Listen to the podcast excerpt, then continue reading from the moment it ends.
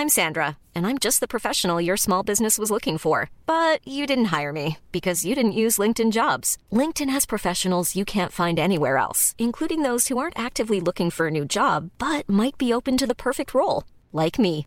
In a given month, over 70% of LinkedIn users don't visit other leading job sites. So if you're not looking on LinkedIn, you'll miss out on great candidates like Sandra. Start hiring professionals like a professional. Post your free job on linkedin.com/people today.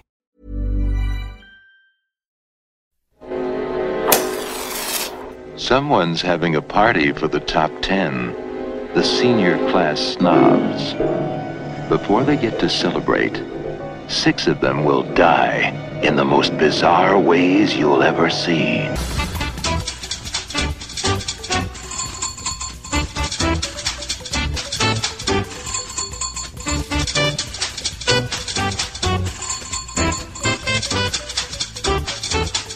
It is up to you to determine whether you wish to subject yourself to fear, terror, because of the bizarre nature of this birthday party.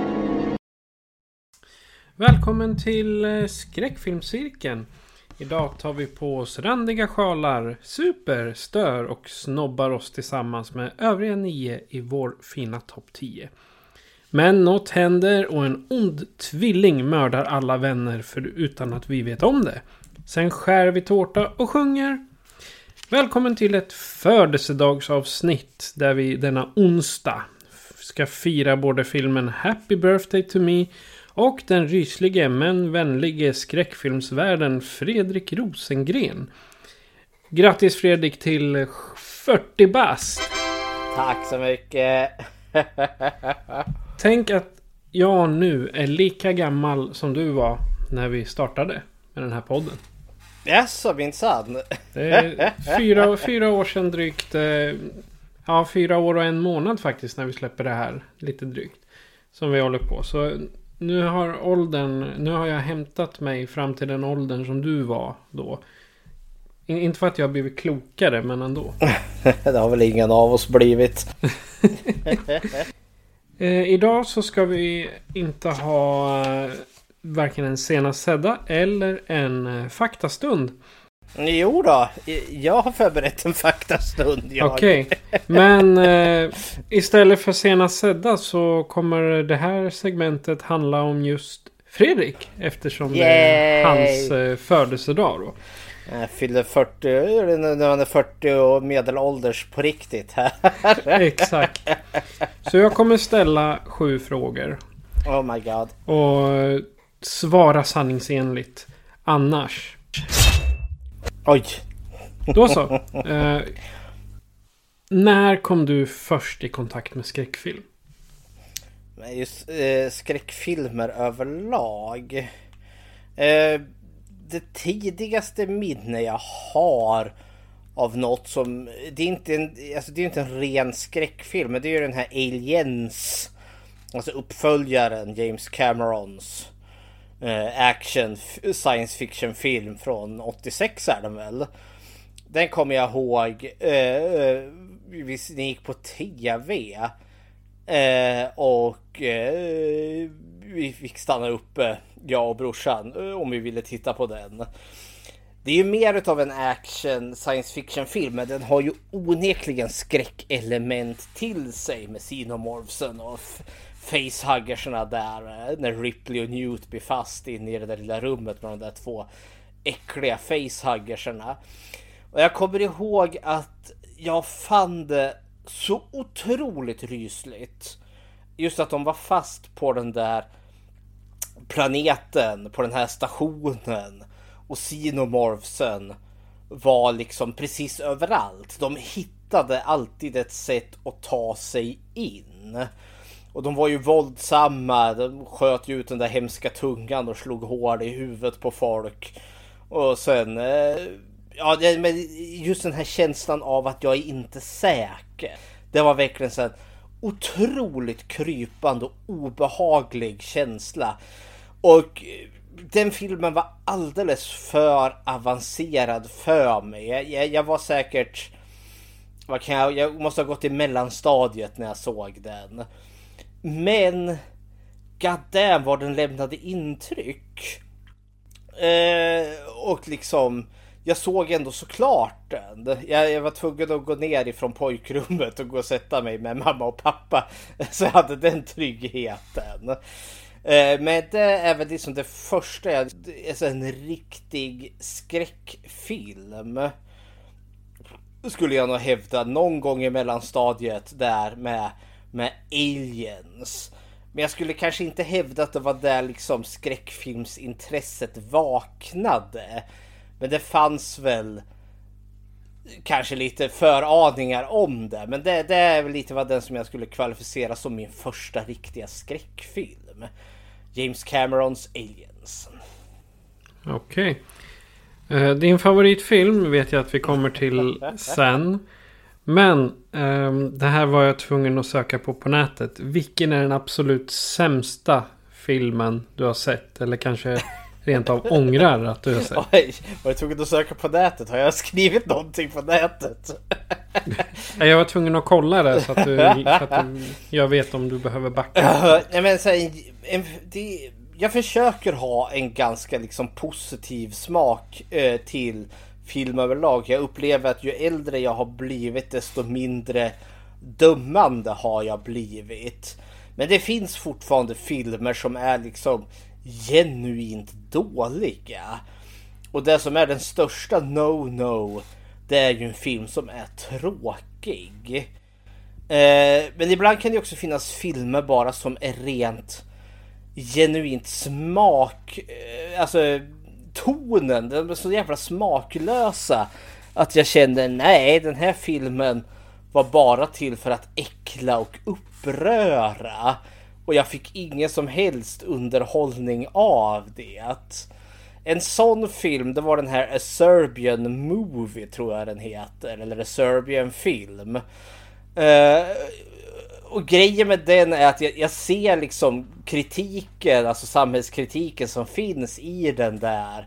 Om en man som dras in till att göra liksom superextrem pornografiska filmer som slutar i våld och död och djävulskap och kritiken finns alltså om eh, liksom hur samhället liksom bara suger ut liksom sin serbiska befolkning och porrproducenten skulle vara någon allegori för liksom den serbiska regeringen och han eh, pappan där liksom folket som bara exploiteras. Men det var för mycket. Då jag kände liksom nej.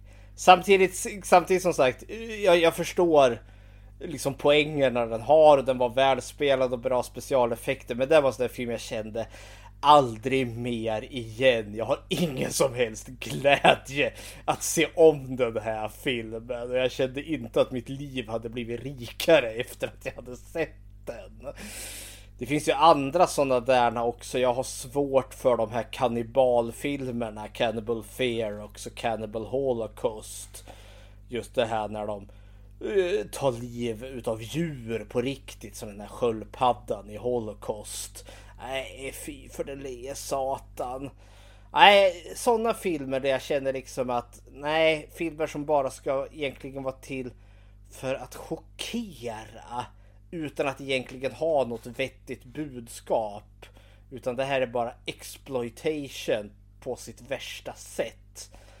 Det är filmer som jag kan ångra se. Men ja, Serbian Movie eller film eller vad det nu heter. Den känner jag ingen som helst eh, glädje av att jag har sett. Om vi vänder på då. Vilken är din största guilty pleasure film? Oj, en guilty pleasure. En sån här genuint dålig en. Alltså jag, jag, jag, kommer gå ifrån, vad heter det, skräckfilmsgenren här. För det, det finns många guilty pleasure inom skräck. Alltså Freddy vs Jason. Det är inte en bra film, men god vad den är underhållande.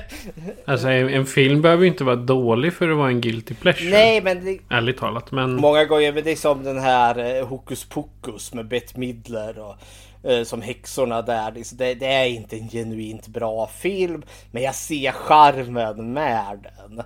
Men jag, jag kollar ju på så mycket annat, men jag ska välja en som är eh, udda här då. Eh, det var den här Shark Boy and Lava Girl. The Adventure of Shark Boy and Lava Girl. Det är han Rodrigo Rodriguez eller vad han heter. Mannen som gjorde, regisserade Planet Terror och Desperados och liknande. Han har ju samarbetat en hel del med Quentin Tarantino. Han gjorde en barnfilm, en superhjältefilm. Med väldigt pajiga eller ganska dåliga specialeffekter egentligen. Lite, lite CGI när det fortfarande inte riktigt var top notch. Och jag eh, kommer ihåg att jag fortfarande var hemma så det var en sån där som gick på TV1000 eller något sånt där. Jag bara bläddrade förbi den där. Så jag såg den inte ens från början. Men jag vart hooked för det var något med den här berättarfantasin och det här barnäventyret. Eh, så jag var, jag var, helt liksom uppslukad av den och det, nej det är inte en genuint bra film. Men god damn vad jag varit uppfylld i, i kropp och själ efter att jag sett den. Så den är lite av ett sätt guilty pleasure för mig. Sharkboy and Lava Girl.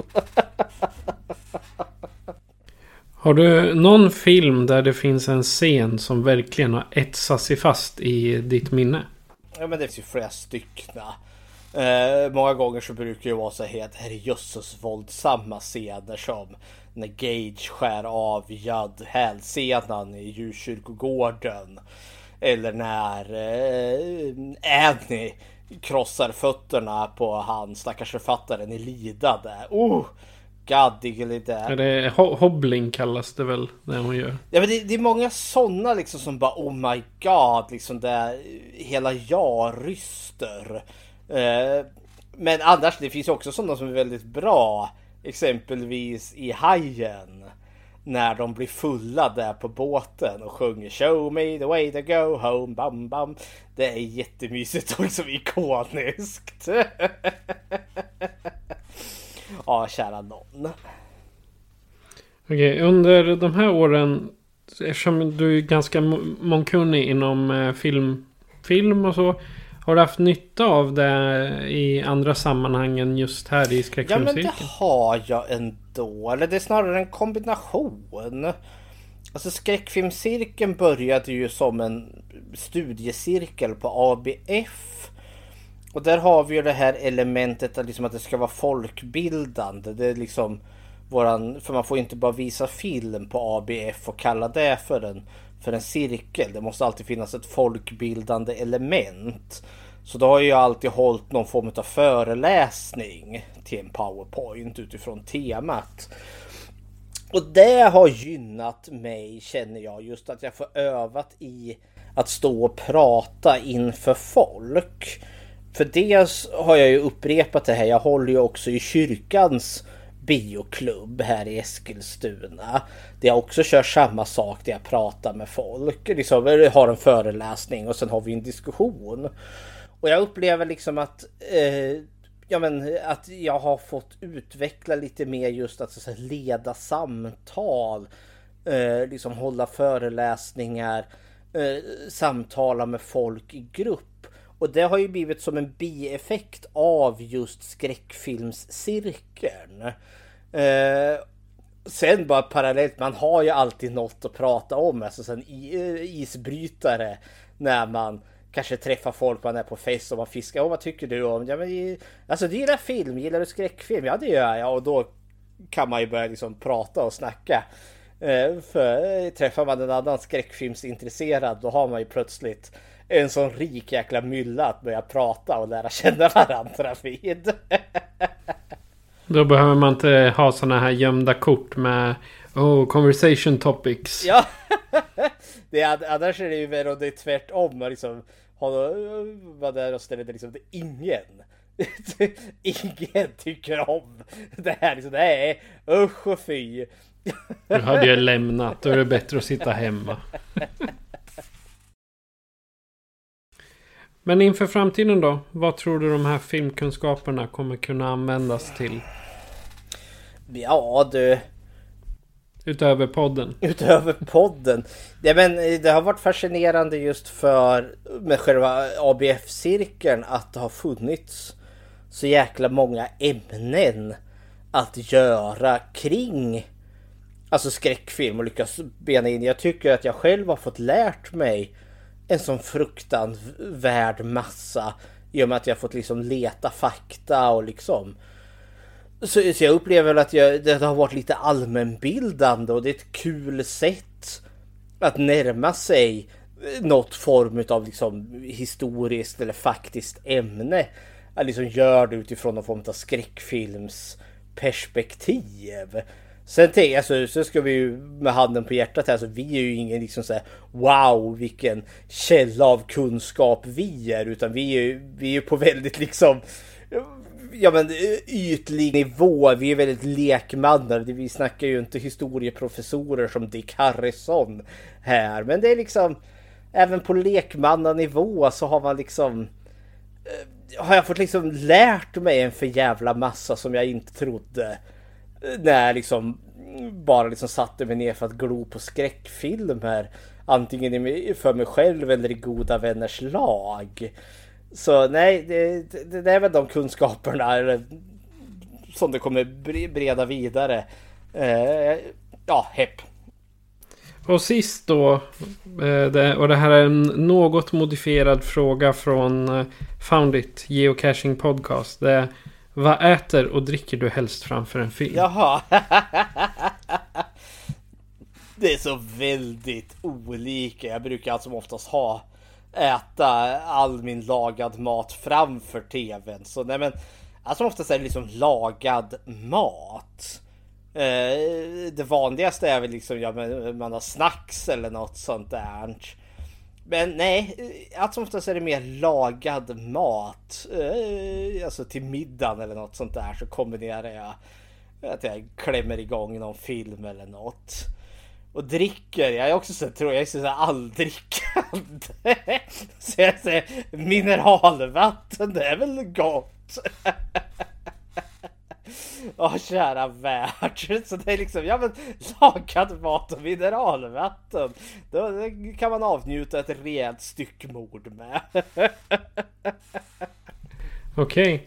Men och alla lyssnares och alla följares vägnar så skål! Och grattis på födelsedagen! Tack så mycket! Skål skål!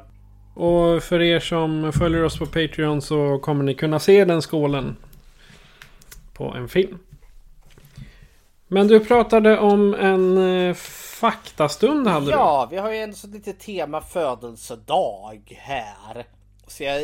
Då överlåter jag det till dig. Ja, så jag bara gjorde en liten sån snabb dykning i just själva temat födelsedagar och hur har det sett ut genom tiderna. Eh, och födelsedagar Eh, det är kanske liksom, jag, jag, jag tar väl det liksom för givet för jag har liksom vuxit upp med det varje gång. Liksom sen barnsben, varje gång liksom det blir min dag då jag föddes, då firar man. Eh, och, och, så har det ju alltid varit, jag känner ingen annan verklighet. Men så har det ju inte sett ut, utan det här konceptet att vi firar födelsedagar är ett relativt nytt påfund trots allt i liksom människans begynnelse så var det nog att man firade nog inte födelsedagar förrän man hade uppfunnit någon form utav kalender. Eh, innan så kunde man väl liksom notera att man blir äldre och man kunde liksom se liksom, ja men vart år, årstiderna skiftade och sådana saker. Men man kunde väl liksom inte direkt liksom ha koll på Ja men eh, det, eh, Fredrik föddes liksom det här datumet det här året. Men när man väl började liksom med någon form av kalender. Eh, då kan man också börja hitta spår utav att man firade födelsedagar. Och det jag hittade, det jag kunde läsa mig till var tydligen de tidigaste födelsedagar som man har hittat någon form utav historisk källa till. Eh, det var tydligen några från några teologiska bibliska forskare som kunde hänvisa till några gamla texter ungefär 3000 år före Kristus. Så rent tidsmässigt så är det för typ 5000 år sedan då. Så har man kunnat hitta liksom som man har kunnat tolka till där man firar eh, Egyptens faraos födelsedag. Eh, och då ska det eh, också komma, ska man komma ihåg att man firade inte faraons dag då han liksom föddes som människa. Utan man firar den dagen då farao blir Gud. För man ska komma ihåg med de här faraonerna det är att de är ju inte, är, är ju inte sedda som människor utan de är sedda som levande gudar. Så det blir ju när liksom den nuvarande farao dör. Då är det ju sonen då som en demigud som blir den nya guden. Och det är när det händer som liksom man firar den eh, faraon därs liksom födelsedag när faraon blir gud. Eh, här ska man komma ihåg också att man hade ju ett helt annat tankesätt liksom kring eh, det jordsliga, alltså det världsliga och det andliga. Jag får vi pratade om det här i något av våra tidigare avsnitt att man hade ju väldigt liksom övertygelse om att det fanns en osynlig andevärld. Eh, och många av Bibelns gamla texter är ju skrivna då man liksom hade det här synsättet. Eh, för man har också hittat en del paganska eh, kulturer och i antika Grekland att när det fanns, ett, fanns en tanke här att när man föddes Eh, då, då eh, jag vet inte hur, om det är någon form av dop eller ritual eller om det är beroende på när på året det föds. Så blir man förknippad med någon utav gudarna som finns. Eh, och de har ju många gudar. Eh, och då ska man fira den födelsen. Inte till personen som föddes utan till guden som du har fötts in under. Eh, för att hedra liksom guden och att du liksom, man förhåller sig på god fot med guden. Eh, samtidigt också i paganska rit eller i riter så fanns också den här tanken att det finns ju dåliga andar, det finns onda andar, liksom skadliga väsen. Eh, och de kan på den dagen du föds liksom då eh, angripa dig. Eh, men då ska man eh, då liksom fira den här personen, eller hålla de här andarna borta genom att man samlas liksom familj, eh, man tänder ljus eh, och man liksom glada tillrop. Man har en väldigt positiv stämning för det positiva håller då de onda andarna på avstånd. Så där har vi något form av födelsedagsfirande. Eh, sen just det här då att man eh, att man eh, tänder eh, ljus. Eh, det var något, nu ska vi se här. Jag måste läsa mina egna kråkfötter här i mina anteckningar. Eh, nej men just att man tänder ljus. Eh, det som kanske senare blir födelsedagsljuset. Det är ju då också liksom till gudens ära. För när man tänder ljuset eh, när ljuset tänds, det är då man formar sin bön, eh, sin önskan och sin, sin, liksom, eh, sin tacksägelse eller vad det nu är liksom, till den gud man tillber. Och när du blåser ut det ljuset, då var tanken att då går bönen, det här som du har kommunicerat, din önskan, dina, dina tacksägelseord, går då till guden. Så att guden kan höra det. Eh, så det är lite det här liksom, ja, eh, blås ut ljuset och önska dig något. det är inte helt orimligt att liksom ha liksom börjat där med att man blåste ut ljus liksom för att ge en bön till, till den gud du tillbad. Men som sagt, födelsedagen var liksom mest då till för att antingen liksom hålla onda andar på avstånd men firade ju som inte människans födelsedag trots allt. Utan du firar gudens födelsedag. Guden som du är förknippad med. Det skulle ta ända till romarrikets tid innan man började alltså fira människors födelsedag. Uh, och här törs inte jag säga, för det, det, det lilla jag kunde läsa mig till här, det kändes väldigt europecentrerat eller medelhavscentrerat. Jag hittade ingenting eller jag, jag, ansträngde mig inte så jäkla hårt. Men jag hittade ingenting om just Asien och Afrika eller något sånt där. Eller amerikanska urinvånarna, Sydamerika, whatever. Liksom deras kultur och syn på, på födelsedagar. Så det här är ju väldigt europecentrerat. Men då i Europa här då. Eh, eller under medelhavsområdet. Romarriket ska vara bland de första där man firade just personer. Men då var det ju inte vem som helst utan det var i regel liksom då rika, berömda, viktiga personer. Eh, som typ kejsaren eller någon eh, högt uppsatt eh, general som har gjort bra ifrån sig i krig och så vidare och så vidare. Och det var ju bara män. Så var du viktig och man då kunde man fira din födelsedag. Och det här var ju något som inte skedde förrän du var liksom uppe i ålder. Barns födelsedagar, det är dröm och glöm. Du måste ju se till att bli kejsare först. Innan vi kan börja fira din födelsedag. Där. Kristendomen var tydligen väldigt anti födelsedagar. Den tidiga kristendomen. Nej, går inte för sig. Tråkiga det är, inte, alltså det, det, är inte så förvånande egentligen. Du ska inte... Du ska ägna din tid åt eh, Jesus eller Kristus eller vad det nu kan vara. Du ska inte synda och äta tårta.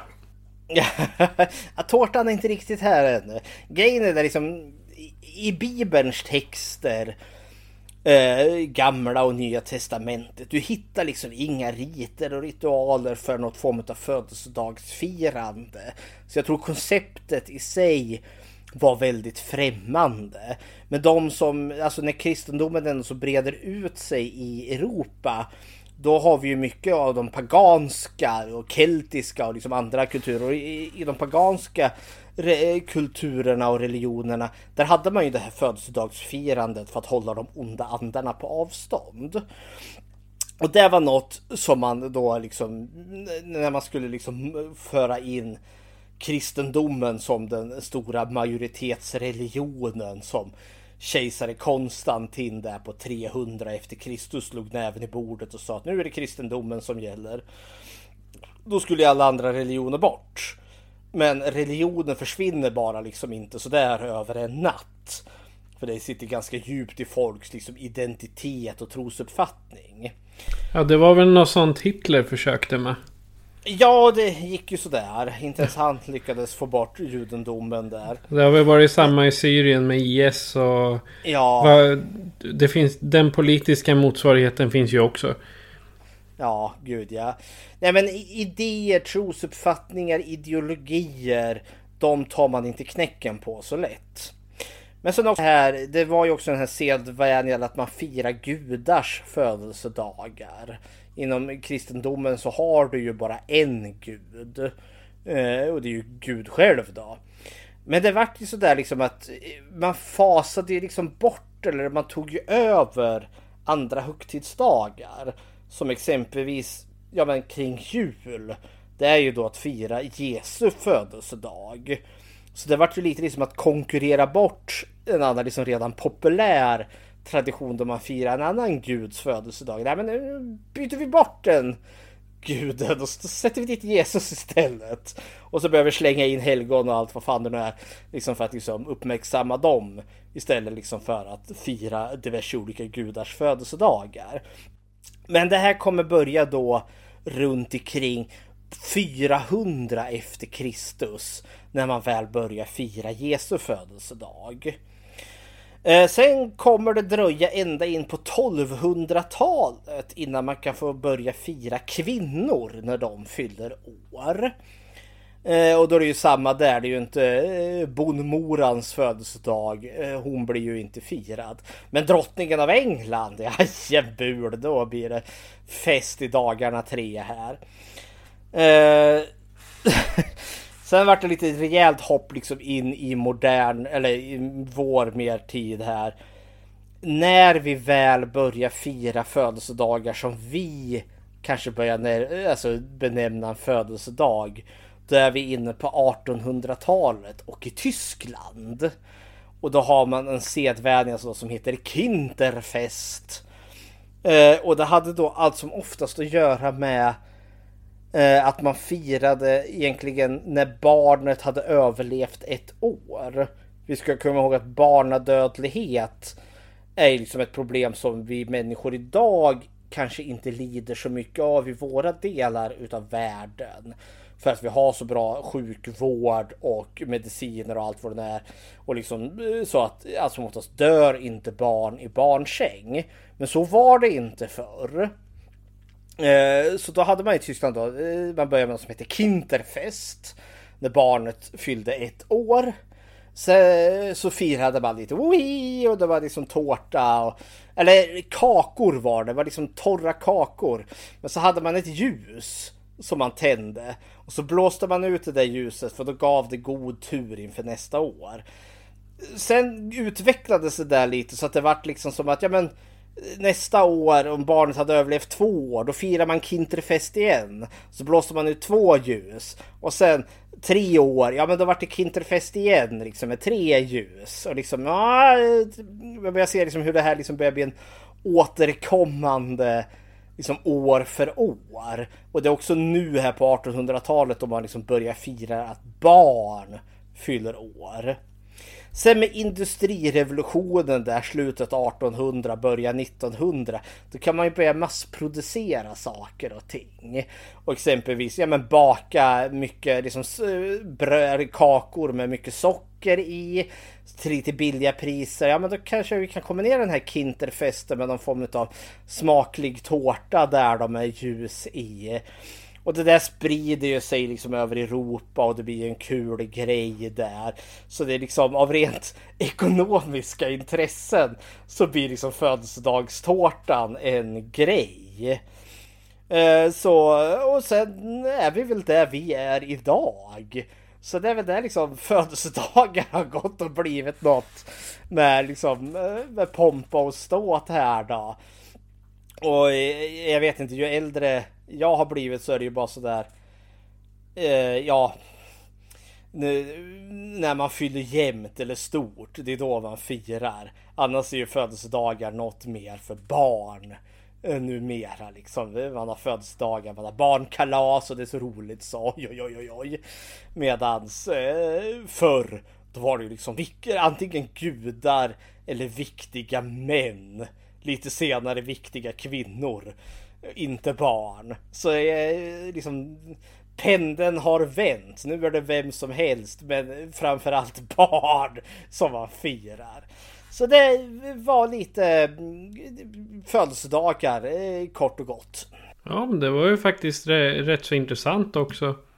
Eh, jag, jag trodde att liksom födelsedagar det var en modern sak för vårt industrialiserade samhälle och kapitalistiska samhälle framför allt. Men eh, då har det funnits tidigare men eh, inte på samma sätt då. Och det här med att fira gudar och sånt det, är ju, det har man ju gjort eh, i alla tider. Det, det visste jag redan men det är klart. Firar du jul så då är det ju väl Jesu födelse du firar. Mm -hmm. Eller Kalle Ankas födelse, vi vet inte riktigt. Ja exakt. Men det om något är ju en modern, eh, ja. en modern tradition som är, har blivit extrem. Hur kommer det sig födelsedagar? Jag kommer ihåg själv som barn att det var ju the shit. Man, man fick planera det, man fick beställa mat. Det var en sån här grej i vår familj. Alltså när det fyllde år då fick man bestämma vad man fick äta. Då var det ju ofta liksom, när man var ung, då var det liksom eh, Happy Meal på McDonalds som var lyckan gjord. Det är väl eh, så, och sen vart det ju födelsedagskalas och man eh, mamma man bjöd hem liksom klassen och så gjordes det en eh, mamma gjorde alltid en smörgåstårta som hon skar upp sen så att det såg ut som ett lok. Liksom som ett lok som släpade vagnar efter sig. Då. Och sen, eh, ja, massa grädde på och så köptes det en massa lösgodis och så fick man dekorera det där. Och det var så jävla roligt. Så. och, så, och så var det korv med bröd så det stod härliga till. Och till så, och med föräldrarna leker med maten. Ja, ja till och med det. Och så, och sen eh, dansade man till Roxette gjorde man i vår familj. Så liksom sockerstinna ungar med och sen eh, jättemätta på korv och bröd. Liksom dansa till Roxette och sen spyr man. det var födelsedagar i det Rosengrenska hemmet. Hur, hur, hur firade ni födelsedagar? Så jag tror jag har inte haft så många barnkalas ärligt talat. Jag kanske har haft ett eller två på sin höjd. Och kom ihåg nu, jag är 36. Jag kommer inte ihåg det som hände för 30 år sedan. Tyvärr, inte allt. Men vi hade inte så många barnkalas. Det var mera, ja, man fick tårta och mm, några presenter och så lagade man, fick man bestämma maten. Uh, det var väl typ så. Och sen kom uh, närmaste släktingarna och åt tårta och eller bara, bara träffades så. Sen nu på senare tid då är det mera man får ett sms grattis. Och sen eh, så kanske man bjuder in de närmaste på en tårta eller eh, fika eller vi har, vi har gjort nu på senare år att istället för att bjuda hem folk så antingen träffas vi ute eller grillar eller något sånt där. Och jag vet att andra gör att de går helt enkelt på restaurang allihopa. Men sen det är ju också boendesituationen. Man kanske inte har plats för 15 pers. Nej, så sant. Nej men det blir lite, vi gör ungefär samma sak i vår familj nu också. Liksom när vi, när någon fyller år då går vi ut och äter på restaurang istället. Och så blir de här, alltså själva stora firandet blir när någon fyller jämnt. När någon fyller, ja men eh, vart femte år då. Liksom så senaste gången jag firade stort då var när jag fyllde 35. Och nu när jag fyller 40, ja då blir det stort igen. Så ja. ja jag minns när du fyllde 35 för jag tror att eh, min syster bakade tårta åt dig då. Ja men det var Jason-tårtan där. Ja. den veganska Jason-tårtan. Som vi hade ja den till. veganska Jason-tårtan var kul. men då så. Apropå födelsedagskalas då så ger vi oss in i dagens film. Och jag tänkte låta dig läsa plotten efter eh, trailern. Till eh, filmen Happy Birthday to Me från 1981. Och trailern kommer här. Someone's having a party for the top 10. The senior class snobs. Before they get to celebrate, six of them will die in the most bizarre ways you'll ever see. Virginia, don't go away. Come over here, Virginia. It is up to you to determine whether you wish to subject yourself to fear, terror, and shock. Because of the bizarre nature of this birthday party, Pray you're not invited.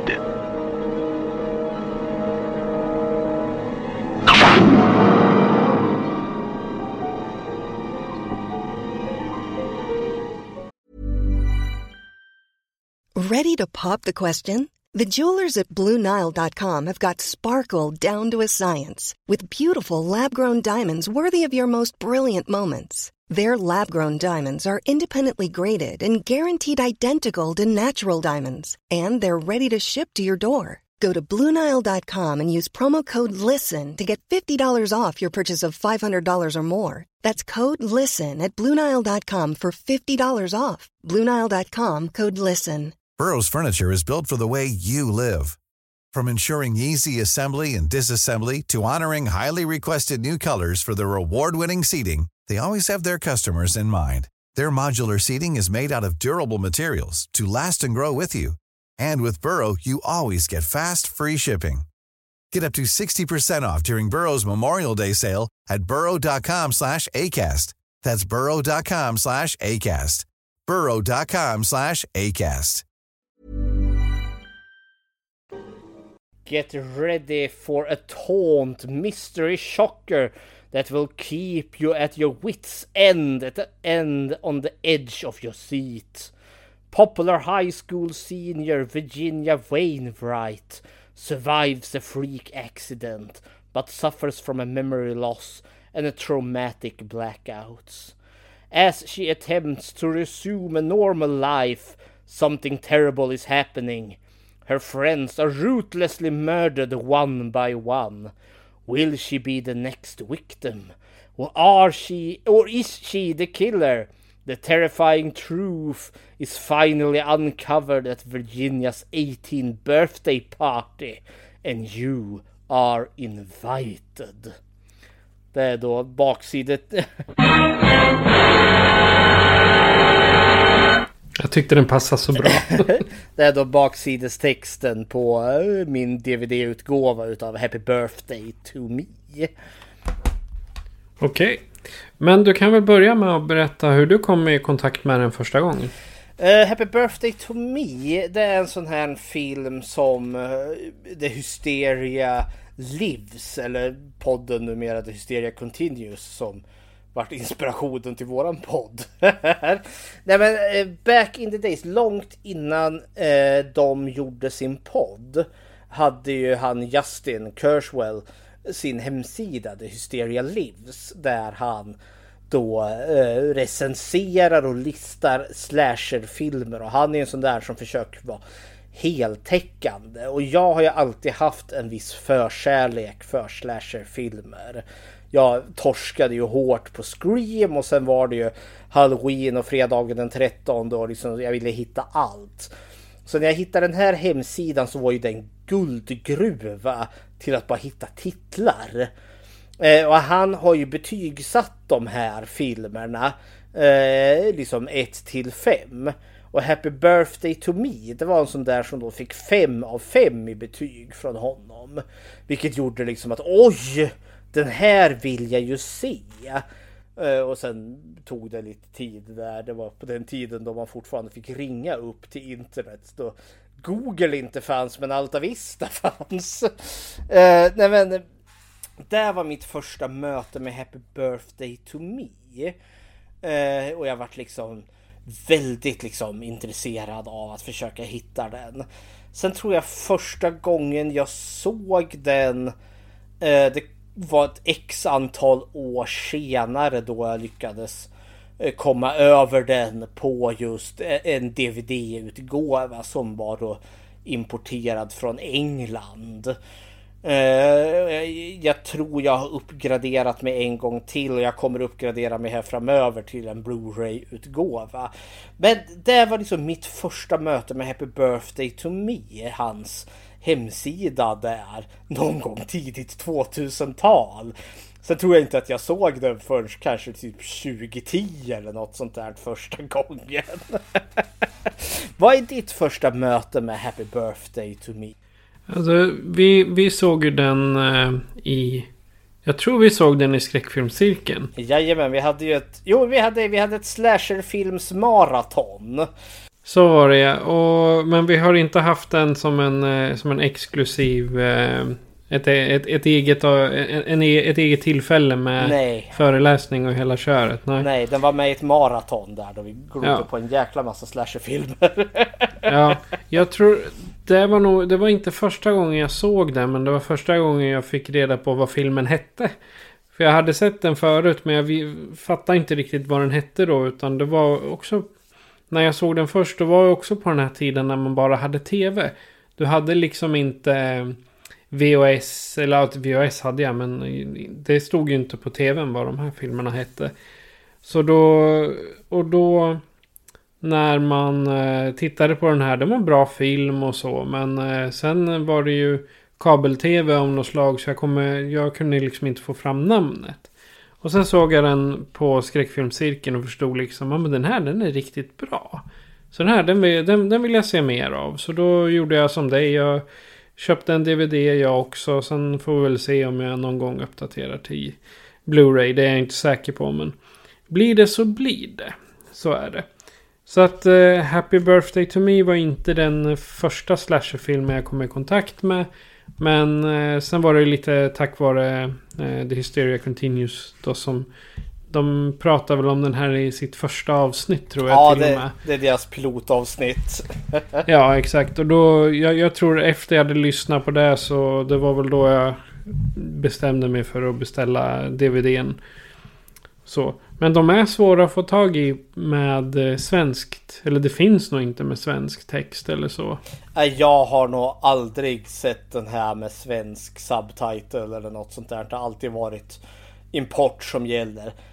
Eh, den finns säkert och fultitta på Youtube. Någon sån VHS-kopia eller något sånt där. Ja, det gjorde jag när, när jag tittade på, eh, apropå YouTube, så skulle jag kolla på Turtles till förra avsnittet. Ja.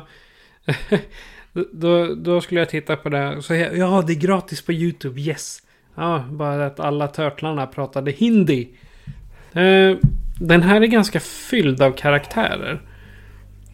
Den är knökfylld Ja, med det är ju, karaktärer. det är ju de här topp 10 som är... Och det, det är ganska många, Ja. så frågan är vilka...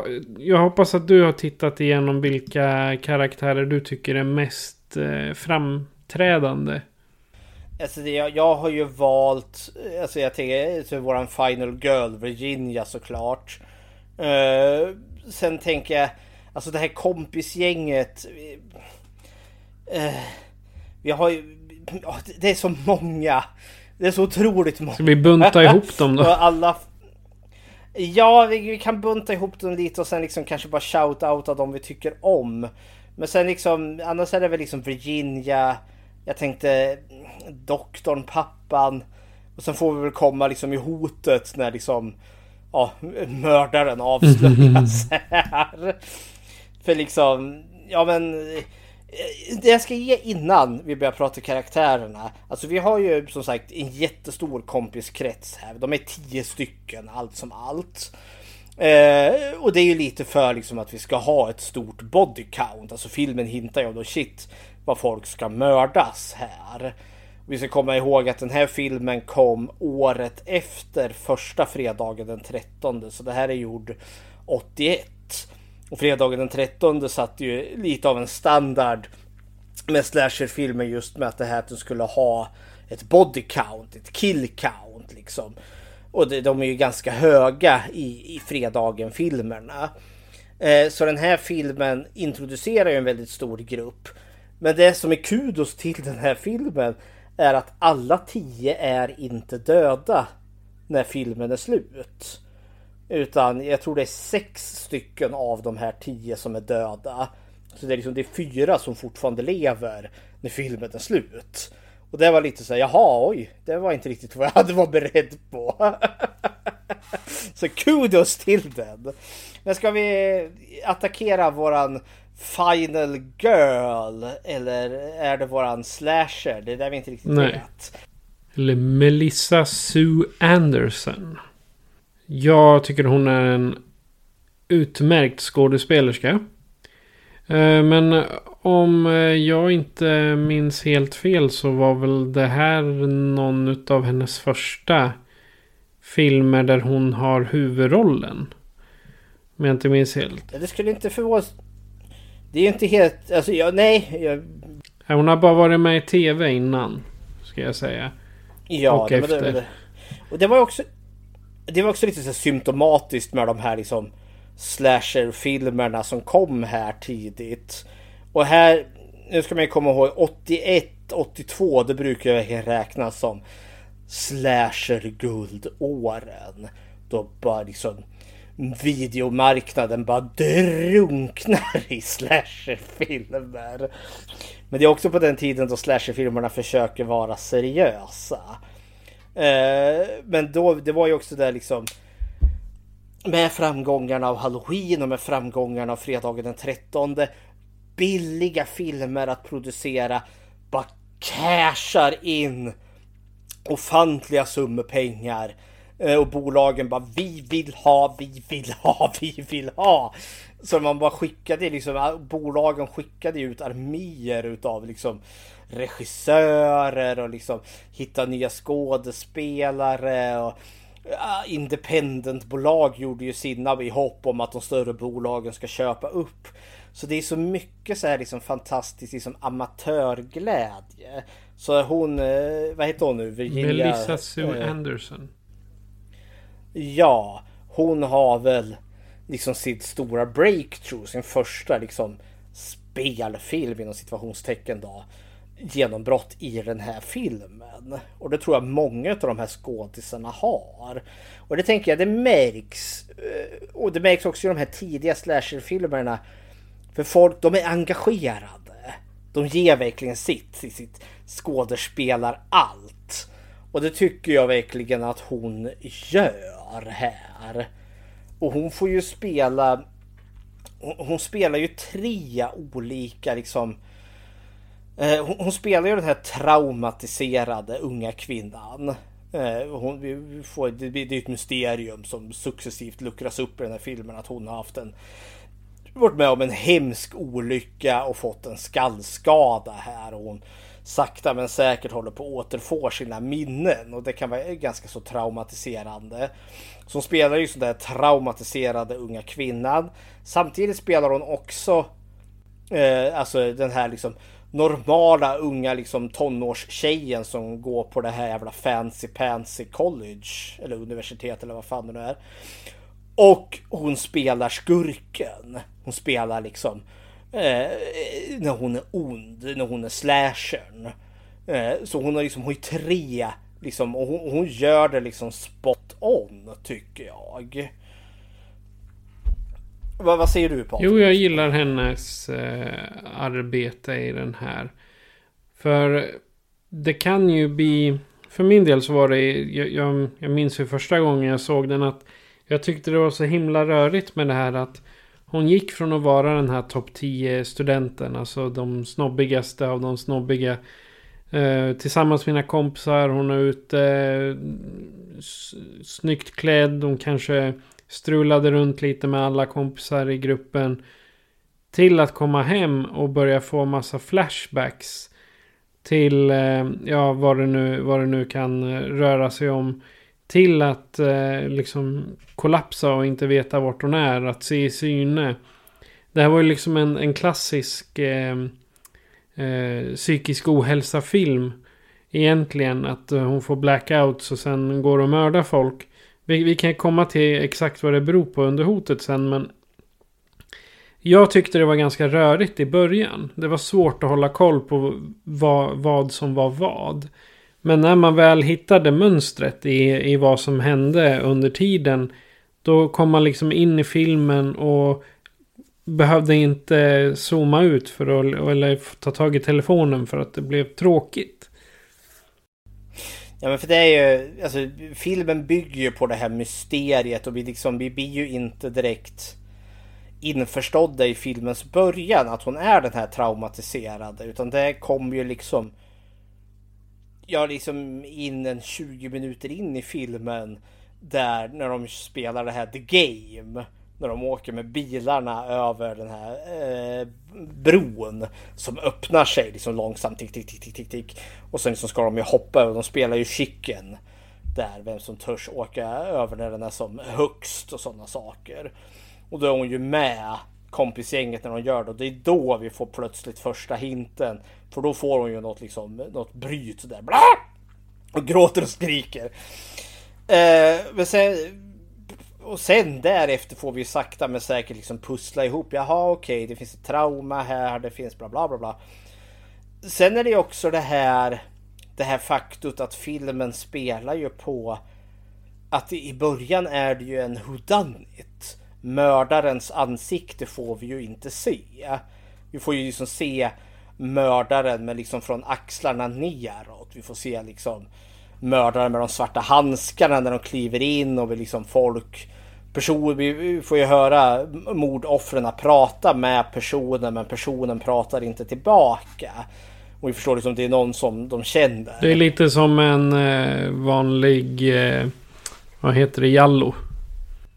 Ja, väldigt. Det är väldigt Jallo-eska vibbar där även om Ja till och med inledningsmordet är ju med ett rakblad till råga på Undrar om det är en liten, sen, alltså en liten eh, eh, shoutout till eh, vilken film är det?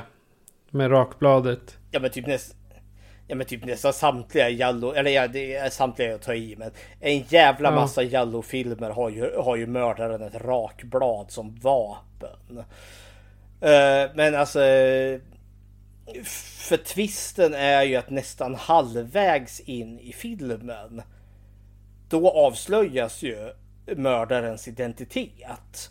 Hoppsan, det var Virginia.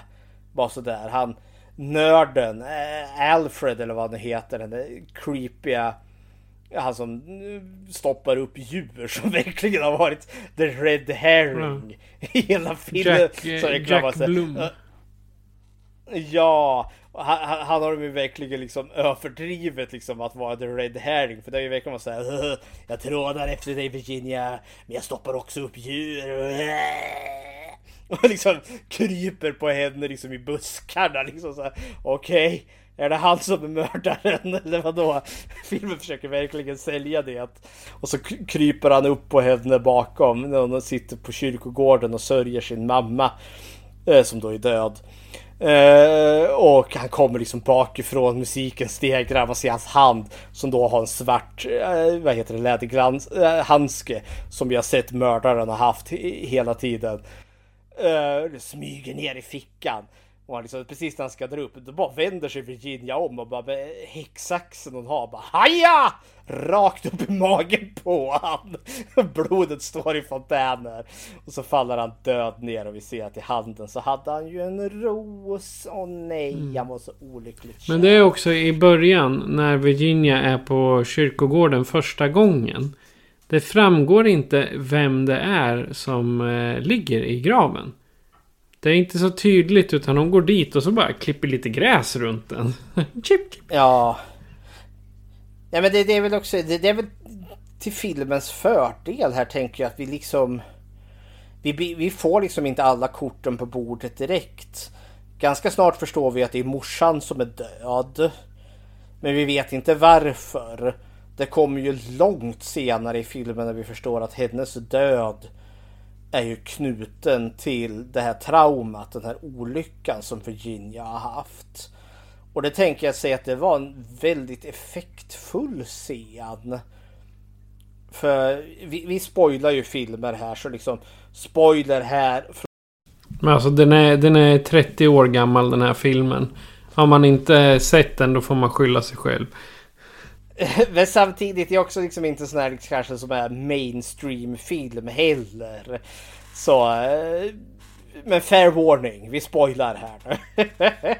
Nej men liksom eh, hon eh, för är det typ tre år sedan. Jag vet inte hur lång tid det har gått mellan olyckan och sen när det här filmen tar vid. Nej, det framgår inte. Ja, några år måste det vara. Eh, för morsan, de ska göra födelsedag. Och morsan förstår vi har ju bjudit in. Eh, eller det, det har bjudits in de sex, de sex, eh, sex ungarna till de sex rikaste familjerna. För att morsan vill ju liksom, ja men hon- hon vill väl lära känna de här familjerna för hon vill liksom komma nära där pengarna finns. Eh, sen inser hon att ingen kommer. Nej, för det ska vara en fest är- någon annanstans. Ja, det är en fest någon annanstans och ingen, ingen tänker komma dit. Eh, för de är, en jäkla, de, är, de är inte lika rika eh, och bele, bemedlade som de andra familjerna. Eh, och hon blir ju yxtokig. Hon är ju bra pruttfull också. Och står ju där liksom i regnet och skriker utanför grinden. Medan stackars Virginia sitter där och gråter i bilen. Och sen i, i, i sitt eh, raseri där så kör hon ju bilen. Och så hamnar de ju på bron. Precis när det är broöppning. Eh, och de hamnar ju precis i klykan där, så där bron viker åt liksom åt sidan. Vilket gör liksom att bilen lyfts ju och de är fast. De kommer inte åt något håll och till slut så går ju bro, eh, alltså delarna isär så pass så att bilen faller ju ner i vattnet och sjunker. Och där blir de då fast. Och morsan är ju fast i bilen. Hon hålls fast av ratten. Och så lå- hon, där, hon har väl nyktrat till lite, lite snabbt här. Så offrar ju hon sig. Alltså dottern måste liksom simma. De kan öppna ett fönster så att dottern kan simma ut. Men mamman drunknar ju. Och när dottern väl simmar upp då kommer det ju förbi en båt och sen pang slår den henne i huvudet. Och det är det då som är upprinnelsen till alla de här blackoutsen hon har, de här traumatiska minnena och sådana saker. Och, fil och filmen ger ju det här som då förklaringen till att det är därför Virginia begår de här morden. Ja men sen, hon gör ju en eh, hjärnoperation. Ja, och det är väl science fiction elementet i den här filmen. Vad är science fiction med? Det är en eh, van, Alltså operationen gjordes av en, av en riktig eh, neuro, neurokirurg. Ja, nej men eh, eh förklaringen de ger är ju att när, när en ödla tappar sin svans eh, så eh, uppstår det, alltså när den läker ut och bygger en ny svans så är det någon form av elektromagnetiskt fält som uppstår kring svansen och det är därför den regenererar och växer ut. Och där har de satt hennes huvud i någon form av elektromagnetiskt fält efter att de har gjort den här operationen och det är därför hjärnan har läkt. Det är science fiction element. Ja, jag tänkte att det här det här låter inte som riktig hjärnkirurgi. Det, det känns mera som om att det, det skulle vara en, eh, ett, en alternativ beskrivning för eh, själva hennes eh, syner eller flashbacks eller eh, frånvaroanfall liksom. Ja men det är det som är grejen för att det är det som ska förklara liksom att minnena kommer tillbaka. Och de kommer tillbaka ganska hepp. Sådär liksom, åh, liksom nu har liksom de elektromagnetiska vågorna i hennes huvud där liksom läkt ihop just den biten av hjärnan som höll det minnet. Jag, jag, jag- jag kände igen Melissa Sue Andersons namn och det är väl Det var ju därför att hon eh, Hon var ju med i Lilla huset på prärien. Eh, Jaha! Så hon hade tydligen eh, tagit ledigt därifrån för att göra den här filmen. Jag vet inte riktigt vad, vad hon är för karaktär där. Men det är skitsamma. Hon är med i Lilla huset på prärien tydligen. Det var det Ja. värsta. Nej men eh, eh, Melissa Sue Anderson som Virginia här tycker jag gör liksom en ganska bra roll. Hon får, hon får spela olika, allt från offer till, eh, till, till skurken. Men jag- jag ska väl... Den, den har lite det här hysterisk kvinna syndromet. Eh, liksom. Och hon får en flashback och så blir hon ett skrikande våp, yl, yl, yl och så kommer det liksom hennes doktor eller hennes pappa.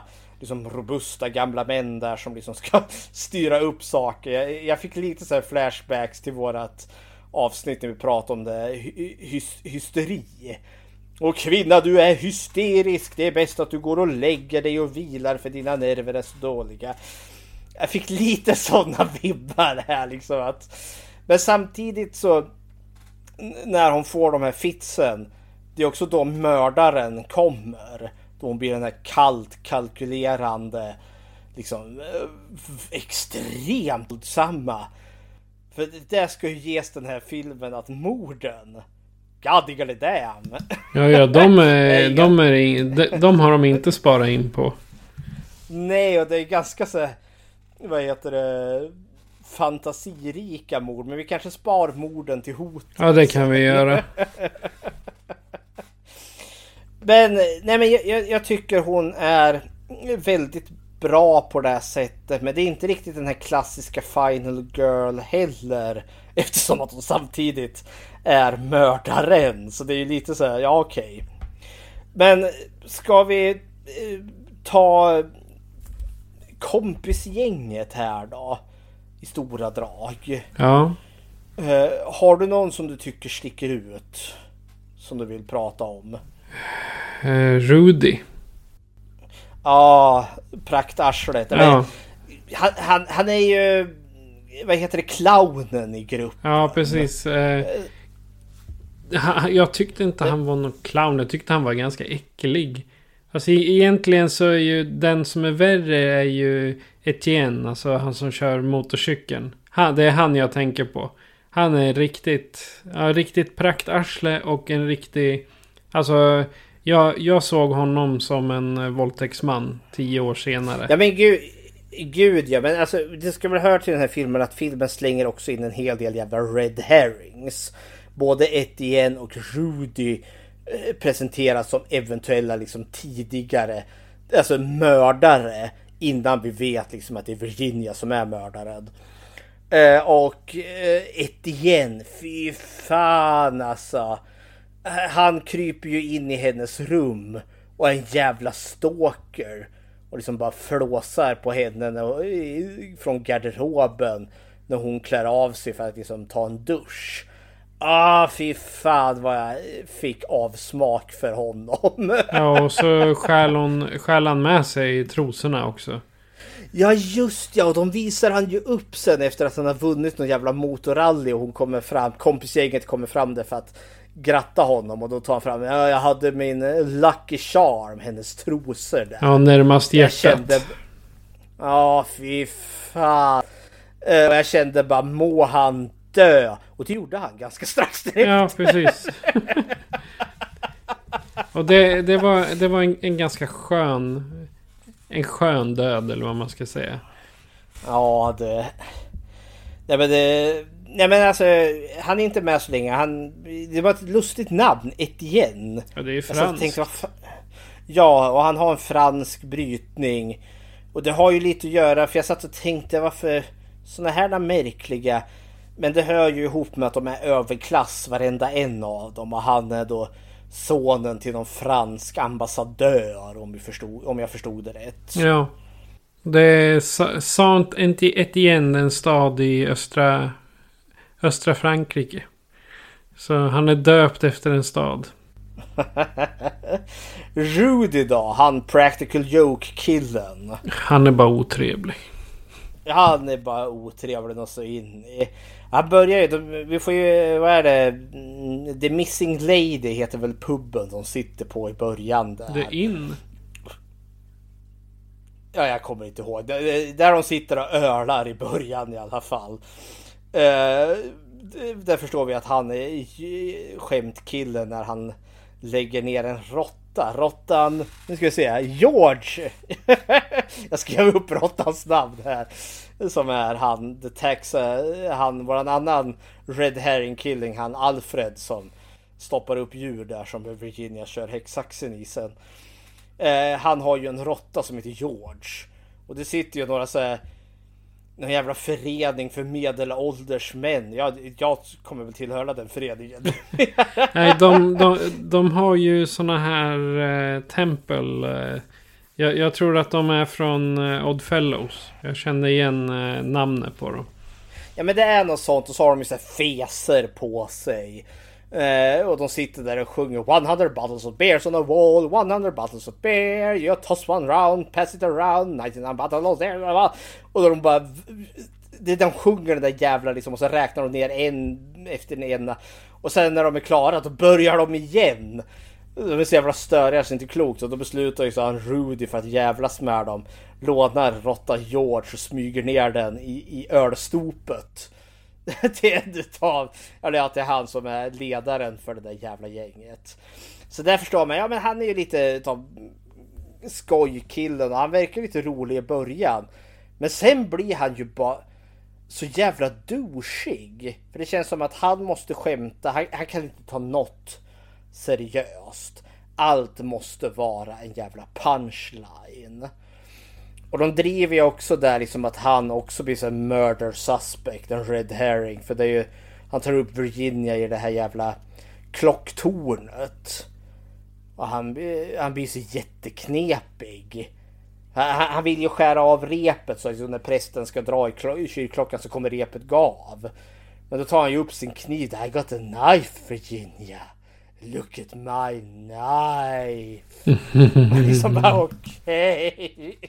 Men man vet liksom inte, är det här liksom för att han är knäpp eller vill han liksom freaka ut Virginia för att han tycker det är kul? Och så vidare och så vidare. Men samtidigt är det inte lite av ett otrohetsdrama här för han, Rudy har ju en flickvän, Maggie heter ju hon. Och han är ju på och slämmar på Virginia. Inte för att Virginia, vad heter det, eh, vad heter det svarar på hans eh, inviter men eh, det känns som att han är redo liksom att överge Maggie för Virginia där. Ja, jag, jag fattar inte vad... Det, det, det där är någon sån här konstig grej inom det här gänget. Alla, alla är med alla.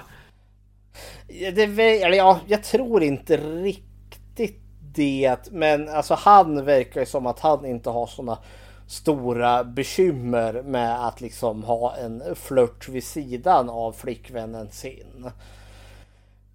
Rudy är ju en av de som inte blir mördad i den här filmen. Eh, det får ju sin förklaring sen eftersom att mördaren Virginia går ju efter Eh, de som var inbjudna till hennes födelsedagsfest när olyckan skedde. Hon håller ju på att återskapa födelsedagen. Så det är ju logiskt. Men jag tänkte i en annan film, jag var så helt övertygad om att förr eller senare blir han mördad. Men nej, han försvinner ut ur handlingen. Liksom 50 minuter in i filmen där så får vi aldrig se honom mer igen.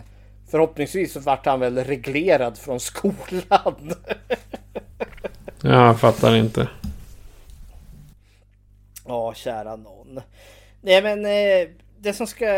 Det, ja, sen har vi liksom en, en ansamling karaktärer. En karaktär som är värd att nämna. Det är ju då Virginias bästa vän. Och det är ju Anne, Anne Thompson. Eh, eller Tracy Bergman. För hon är ju den av den här kompiskretsen som också sticker ut mest. Eh, men vi har väl skäl att återkomma till henne lite senare om inte annat. Ja, det kan vi göra. Men jag känner igen henne från... Hon har väl varit med i en massa Disney-filmer? Yes, alltså elaka styvmorsan. Ja, typ, typ så. hon har varit med i Glamour. Verkar vara hennes stora. Hon har spelat Lauren Fenmore i 350 avsnitt. Oj. Jaha, Så hon, hon... Ja, Makt och begär heter den på svenska men det passar Jaha, inte tycker jag. Där. Nej, glamour låter mycket bättre. Ja. Men det, vad heter för hon, har, hon har inte så många titlar på sin resumé här. Nej, hon har ju inte det. Det är, våra Nej, bäst, det, det, det, är våra bästa år jag tänker på. Där är ju hon makt och, med. Nej, Makt och begär det är ju The Young and the Restless. Ja, det är det. Eh, den, den spelas ju fortfarande. God damn, hon har varit med i 1707 ja. episoder. Också som Lauren fem år och sen Ja men Glamour, är det en jävla spin-off då? Eller så är det att, eh, ja det, det, verkar vara, det, det, verkar så. Ja för Glamour är också liksom, det, det, Glamour är ju gjord mellan 92 till 2007. Ja. Medans uh, The Young and the Restless uh, startade 84. Och man gör fortfarande episoder nu, ja. 2022. Men det är, det är samma med våra bästa år. Det gör de ju också fortfarande episoder. De är uppe i någon där runt 10 000. Och nu sänder de ju inte ens... Nej men våra... Jo, hon var med i våra bästa år mellan 78 och 80.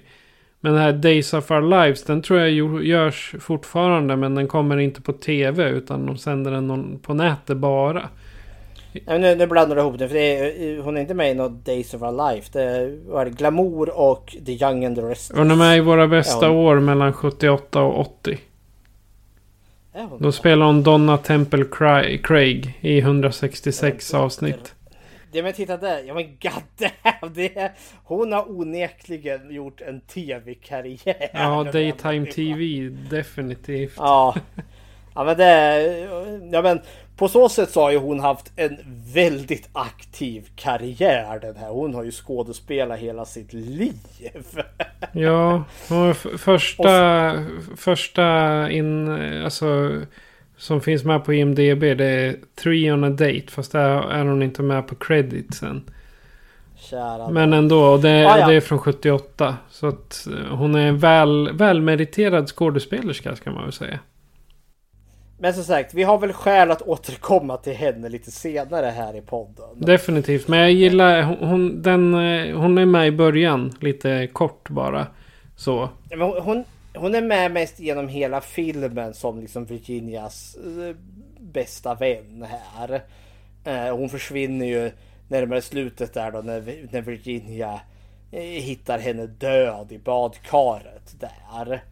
Tror men som hon. sagt, vi, vi, tror hon. Vi har som sagt skäl att återkomma till den här karaktären. Jag vill bara, alltså resten av karaktärerna. Man kan bunta ihop dem. Steve är ju killen som typ satsar pengar hela tiden. Han är ju spelberoende. Ja, där man satsar pengar på allting. Det, det jag ska ge det som slår mig nu. När vi bara går igenom här. Det är att killarna, Etienne, Steve, Rudy. Eh, det är de som får mest karaktär. Medan flickvännernas, deras, inte får särskilt mycket. De blir verkligen bihängskaraktärer. Men det är också killarna som blir mördade. Flickvännerna överlever. Ja, det är... Ja. Då, då är det det här med, med Bechtel-åsikterna. Men det, det kan vi ju komma till under Bechtel-testet sen då. Jajamensan.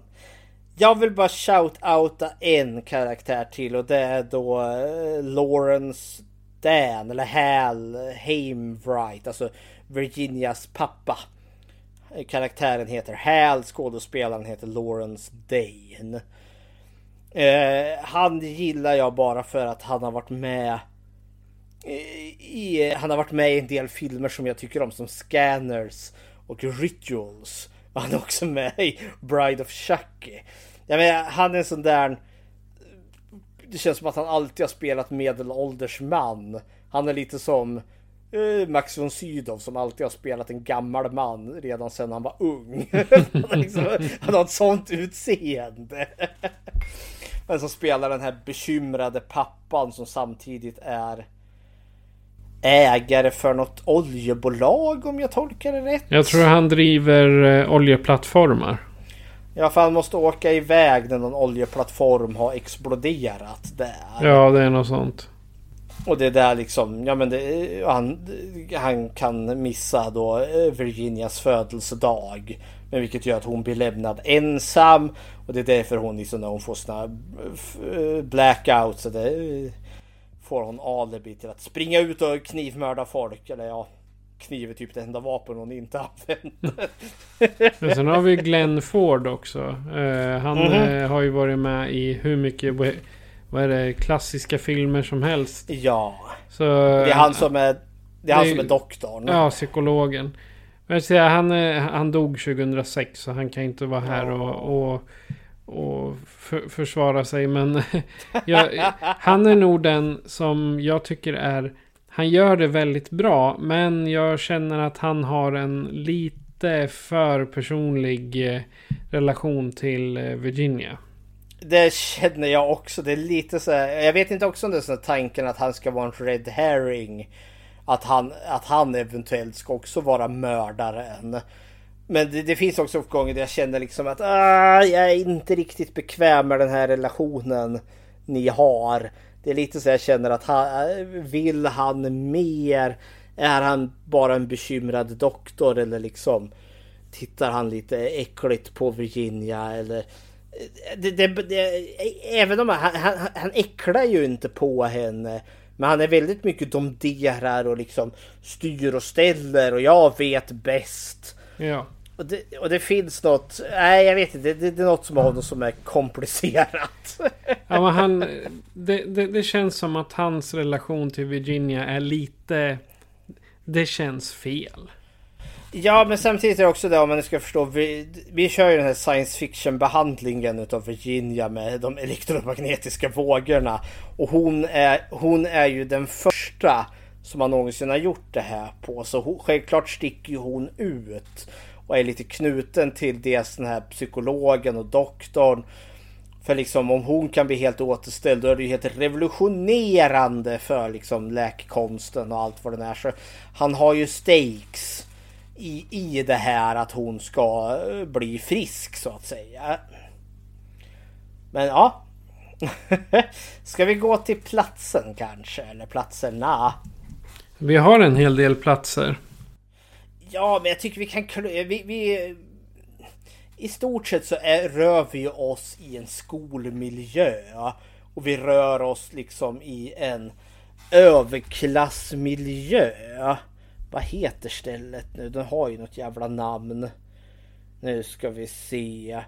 Crawford Academy. Och det är ju liksom då så in i helvete liksom proper. Man förstår att det finns anor här. Man gör verkligen en poäng att de här är i en överklassmiljö och de är barn till överklassfamiljer. Och det finns en viss snobbighet här. Det är väldigt liksom människor som har seriöst jävla förspänt för sig här. Men samtidigt känner jag liksom att pff, miljömässigt det är inte så mycket som snackar. Det, alltså, det känns inte som att vi rör oss i, i lyx och flärd. Det är inte så liksom att de åker i Lamborghini så vi ser ingen flasha någon Rolex eller de går inte i kavajer. De har liksom inte det här bakåtslickade håret. Vi ser dem sitta där slaskandes rysk kaviar och dricka champagne. Det känns som att man har försökt göra dem väldigt allmänmänskliga med att de sitter och ölar på puben där istället och har väldigt mycket så vardagskläder istället för liksom high society. Så ja. Men vi rör ju oss också liksom i, i villa. Jag menar Virginias hus. Det är en jävla mansion. Liksom en jätteherrgård. Ja, ja, det är jättestort. Men alltså hela det där eh, universitetet är ju, det är ju ingenting du kommer in på utan att ha rika föräldrar eller få ett fett eh, scholarship. Vad blir det på svenska? Eh, ja, stipendium precis. Du kommer ju inte in där annars. Utan det här är ju inte bara att de är i topp 10 av eh, ungdomarna där. De är ju också säkert snuskigt rika. För ingen av dem där eh, har... Ja, det är möjligen om Alfred och han är en sån som jag skulle kunna tänka mig kommer in på ett stipendium. Jo, han, han känns väl lite som en udda fågel, men han målas ju också upp som att han är freaket i gruppen där som sitter och gillar att stoppa upp djur. Det är lite Norman Bates i Psycho. Eh, varningar över honom. Men samtidigt så accepterar de ju honom och han kommer med sin lilla råtta. Hi Georgie, säger alla. Och jag menar, han är ju kompis till dem. Alltså, och han har inte det här tredje hjulet som en del geeks kan bli ibland. Nej, jag tror ju dock liksom att de har vuxit upp i den här liksom familjerna.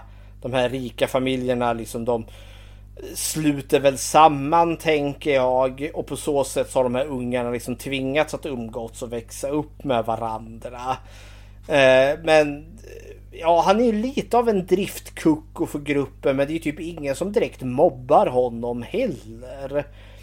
Så jag vet men, inte. Det, jag skulle väl kalla honom som lite av en uh, ofrivillig clown. Ja, eh, helt klart. Eller tunten i gruppen. Så ja. Men som sagt, vi, vi, rör oss i en miljö där pengar finns. Det här är människor som har seriöst jävla förspänt för sig. Men samtidigt gör liksom inte filmen någon större grej av det. Det är mest hon den här tråkiga rektorn eh, som hela tiden kommer där och är väldigt eh, liksom pås och nedvärderande hela tiden. Eh, och jag vet inte om det är något strategiskt val de gjorde att inte göra eh, ungdomarna här då till eh, rikemans brats. Det som kanske är mest bratty det är Etienne. Men han dör ganska snabbt in i filmen. ja, det känns som att de, eh, de, de plockar bort honom för att liksom eh, slippa eh, vara, för, för att slippa jobba med hans, eh, hans karaktär som ska vara den här lilla bitchen. Eller vad man ska säga. Men så hör det väl också till här för ungdomarna försvinner. Det här att de har blivit mördade. Det är ju ingenting som... Eh, vad heter det? Vi som publik vet om att de har blivit mördade men karaktärerna vet inte om det. För alla kroppar försvinner ju efter mordet. Eh, så det är ju en sån här, det blir ju en platt point liksom att man letar efter de här ungdomarna som har försvunnit en efter en.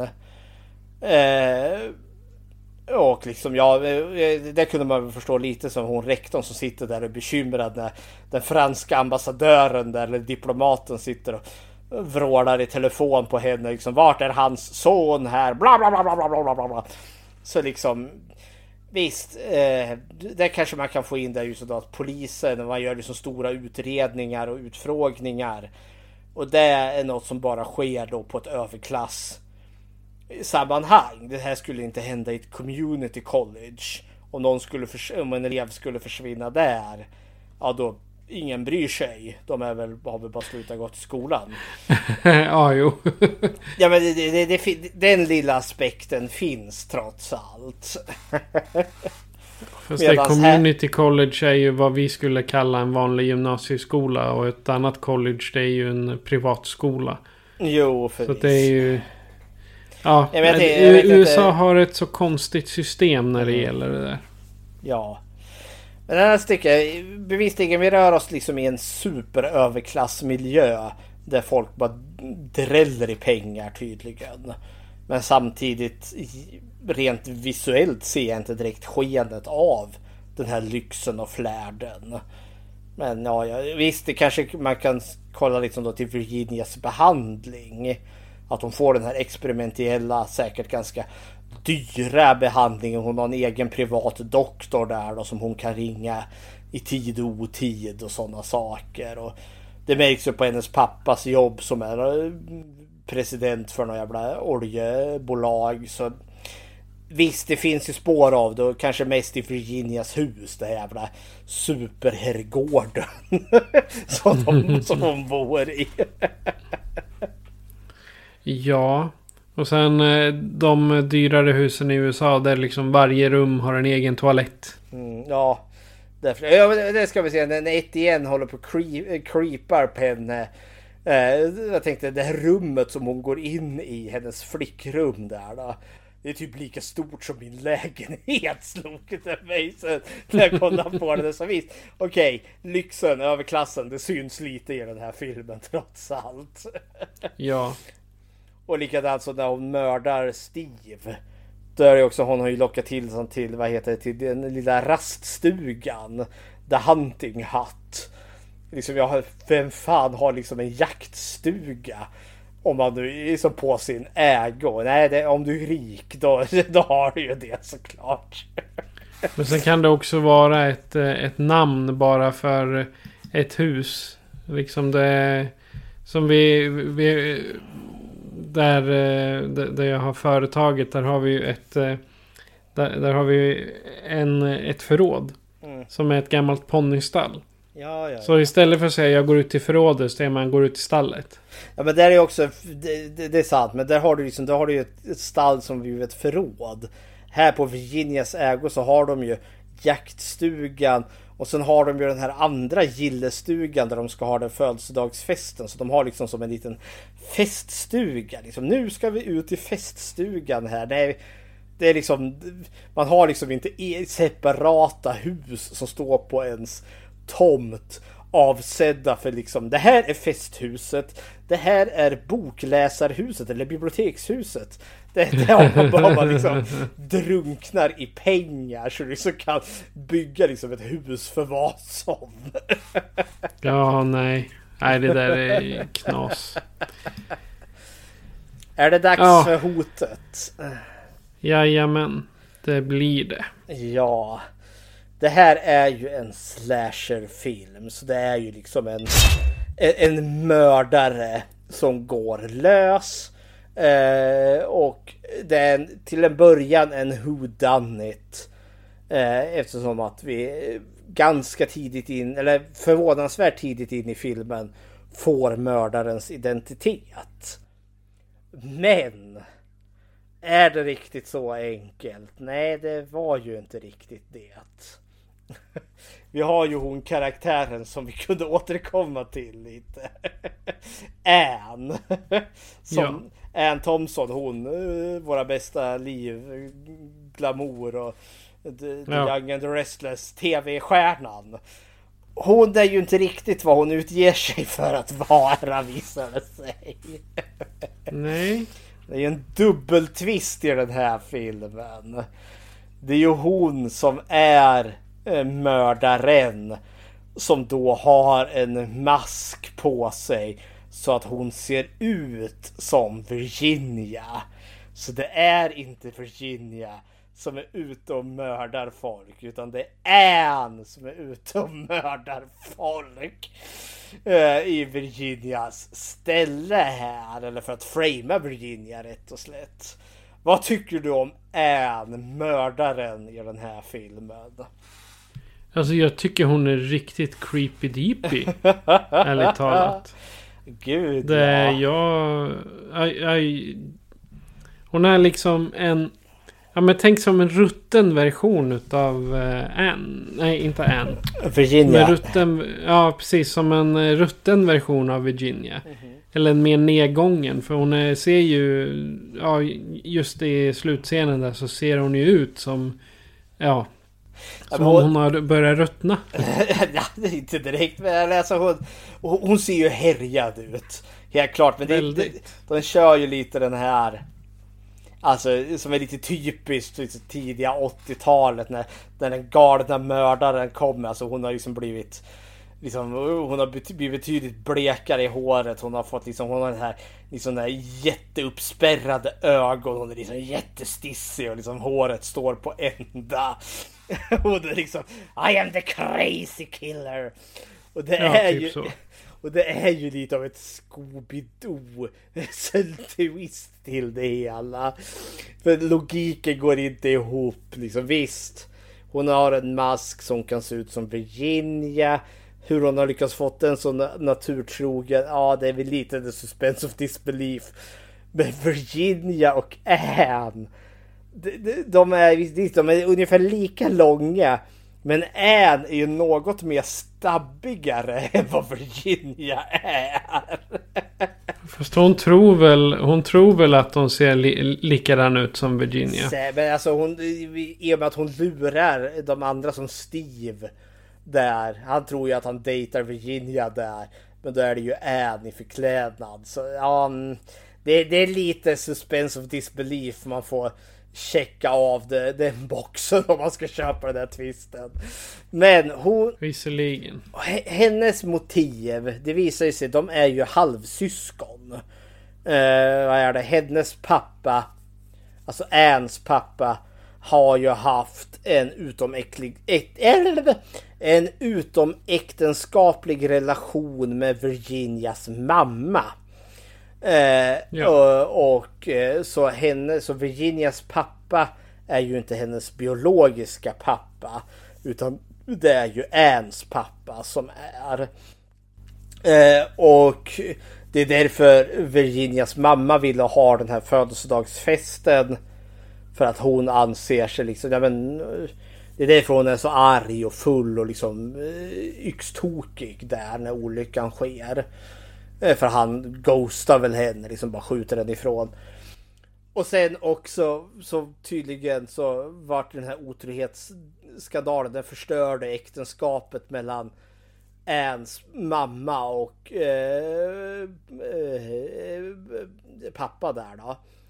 Eh, och eh, så därför har nu Ann kokat ihop den här hämnd. Eh, den här helt vansinnigt utstuderade jävla hämnden där hon ska framea Virginia för mordet här, eller för morden på alla hennes vänner som någon form av hämndaktion på att eh, hennes otrogna pappa fuckade upp hennes eh, familj. Det är... Ja. Bitch be crazy! Det är ett som är säkert. Definitivt. Men det är också det här att snacka om att hon har haft svårt att släppa det också. Ja, och sen är det också så det är verkligen planerat in i så helt vansinnigt minutiös detalj.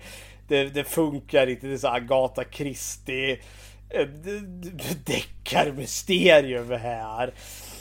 Men shit på fritt vilka häftiga mord vi har i den här filmen. För vi snackar ju inte liksom de klassiska liksom mördaren som attackerar någon i duschen med en kniv. Utan det är ju...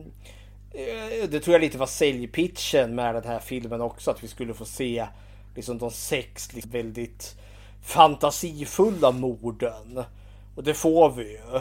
Ett igen Ja, de är definitivt fantasifulla. Ja, det är liksom, de sticker ju ut. Etienne möter ju sitt öde med motorcykeln. Han får ju sin, hon slänger ju halsduken in i, i bakhjulet. Och den drar ju åt så att hans ansikte går in i, i däcket och då drar ju hon igång. Alltså hon gasar ju på.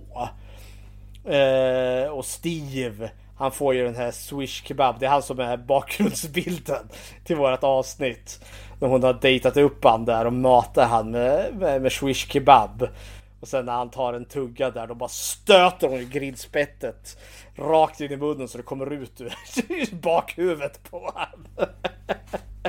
Och stackars Greg möter väl sitt öde där med, med tyngdlyftnings hävstången där. Som rasar ner över hans hals där och bara krossar strupen på honom. Åh stackarn.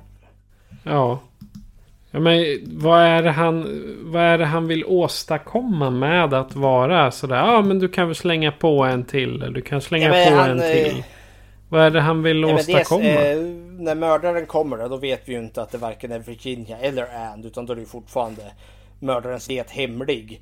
Eh, jag tänker liksom att han håller ju på att träna men nu får, dyker det upp en till person och då kan ju han få en pass upp just utifall att det blir för tungt. Då behöver man ju någon som kan hjälpa en. ja, det är Så liksom, när han tror att hon är där då kan ju han ta lite tyngre vikter. eh, Lägga upp på hävstången så att han liksom kan pressa sig själv. Men när det blir för tungt det är ju då hon drar undan vad heter det, stöden där och så hjälper hon ju honom inte utan istället så kan, slänger hon ju en, en vikt i hans skrev så han tappar ju hävstången då så att den faller över hans hals.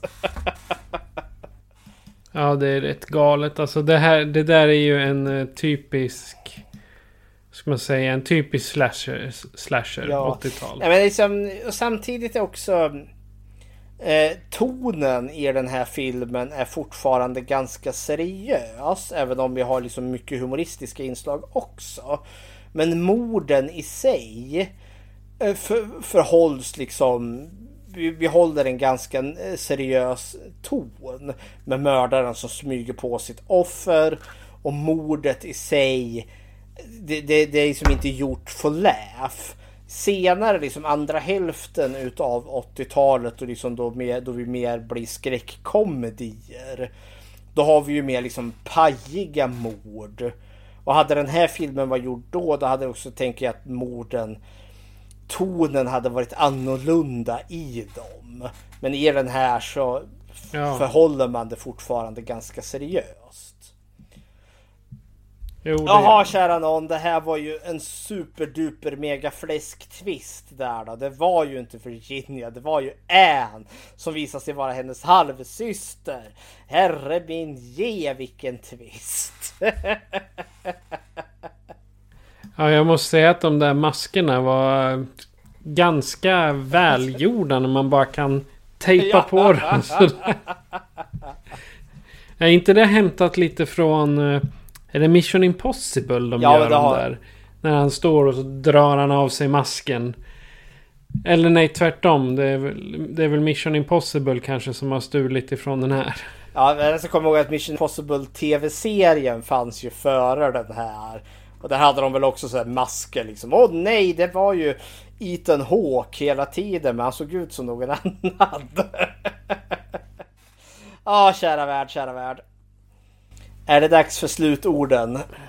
Ja, jag tycker det. Vad har du för slutord? Födelsedagsbarn Jajamensan. Nej, men det här är en rolig film. Happy birthday to me. Den är inte allt för seriös och samtidigt är den seriös nog. Eh, den... Eh, de här fantastiskt uppfinningsrika morden och den här twisten som uppstår på slutet och med mördarens galna plan. Det är liksom det, det, är någonting väldigt tillfredsställande liksom när allting faller på plats i den här filmen. Och jag tycker den har förvånansvärt starka segment som när olyckan sker med bilen som rasar ner i vattnet.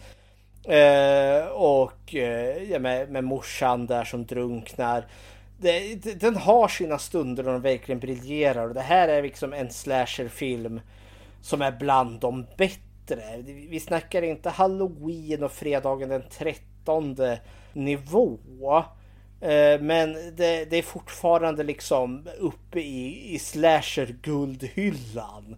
Tillsammans med Terror Train och, och, och de filmerna. Det, liksom, det här är en väldigt liksom mysig, liksom tidig 80-tals slasher. Det här är en sån uh, film som får uh, ja, Justin Kerswell i Hysteria Lives gav ju den här fem. Så generös är inte jag. Jag kommer ge fyra i betyg. vad, vad är dina slutord till Happy Birthday to me? Det här är en... Eh, jag skulle nog inte visa den här som den första slasherfilmen för en person som jag vill bjuda in och se vad slasherfilm är. Jag skulle inte börja med den här. Men det skulle bli nummer två. För att ta... För att börja kanske jag skulle ta en av eh, Fredag den 13 filmerna. För de är ganska lätta att förstå. Men sen när man kommer in på det här med mysteriet med eh, gåtan som händer, att det är en okänd mördare. När det krävs lite mer tanke, då skulle jag ge mig på att eh, visa upp den här för någon. Vi, vi som har sett den här gånger, vi vet ju direkt vem det är som är mördaren egentligen. Men när man såg den här första gången, då var det liksom någon mördar, men hon är ju där. Och han är där. Men han är en douche, så han kanske är mördaren. Och hit och dit, så man blir lagom snurrig. Men det så så är det på ny newbies när det gäller eh, själva skräckfilmer eller slasherfilmer. Man vill liksom visa dem någonting eh, lite mer intelligent än eh, boobs, butts, än eh, blonds eller nej blood. boobs, butts and blood liksom. Just ja, förlåt nu när du säger det att jag hugger in här den här filmen är ju i stor... Det, vi har inget naket i den här filmen alls. Slog det mig. Nej, vi har underkläder när hon ja. Eh, byter om där. Det är allt. Men vi får aldrig se liksom henne utan trosor eller bh. Nej. Så, så vi, vi har blood helt klart och vi har babes. Men vi har inga boobs i den här filmen. Och det är ju faktiskt bra. Ja, ja men det är förvånande för den här tiden att vi inte hade mer naket i den här. Eller vi har inget naket i den här. det är det. Det, det, är, alltså, det är definitivt ovanligt. Men mm -hmm. ja, ja. Då så, har du gjort något Bechteltest på den här? Jajamensan, och det är om kvinnlig representation i film och vi för ju tesen att skräckfilm är den som representerar kvinnor bäst och kommer därför klara eller ja, de kanske inte representerar kvinnor bäst, men som bäst klarar Bechteltestet. Fråga nummer ett. Finns det en eller, eller finns det två eller fler namngivna kvinnor? Och ja, det gör det. Vi har ju Virginia. Vi har hennes mamma Estelle. Vi har eh, rektorn Mrs Patterson. Vi har mördaren Ann Thompson. Eh, vi har flickvännen Maggie. Vi har flickvännen Amelia. Och så har vi Bernadette som blir mördad precis i början där. Eh, fråga nummer två. Möter de någonsin varandra? Ja, Virginia träffar ju sin mamma Estelle. Hon träffar också Mrs Patterson, rektorn. Hon träffar också Anne, Hon träffar också Maggie och Amelia. Bernadette är det ingen som träffar för hon mördas i början av filmen. Och vi som dyker upp som lik sen precis i slutet. Men ja, ja. Så fråga nummer två klarar den. Fråga nummer tre. Om de möter varandra pratar de någonting annat än män.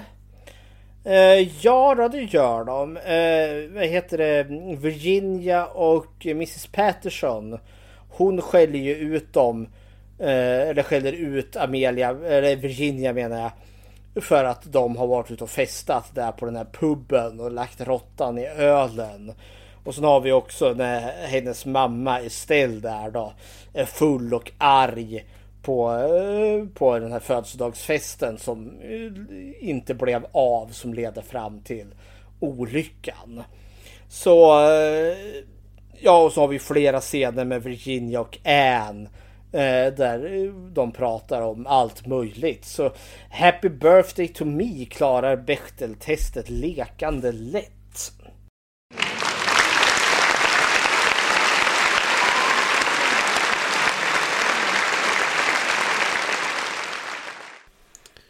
Men om du som lyssnare då vill eh, fira en födelsedag och eh, få en eh, födelsedagshälsning från oss. Eller om du tycker att Virginia är världens snyggaste tjej. Då kan du göra så här för att kontakta oss. Skräckfilmscirkeln presenteras av Patrik Norén och Fredrik Rosengren. Produktion FPN Productions. Besök skräckfilmscirkeln.com för att hitta var du kan lyssna på oss, hur du kan stödja oss och hur du kan kontakta oss. Vill du diskutera filmerna i avsnitten är du välkommen att gå med i gruppen Skräckfilmscirkeln Eftersnack på Facebook. Tack för att du lyssnar.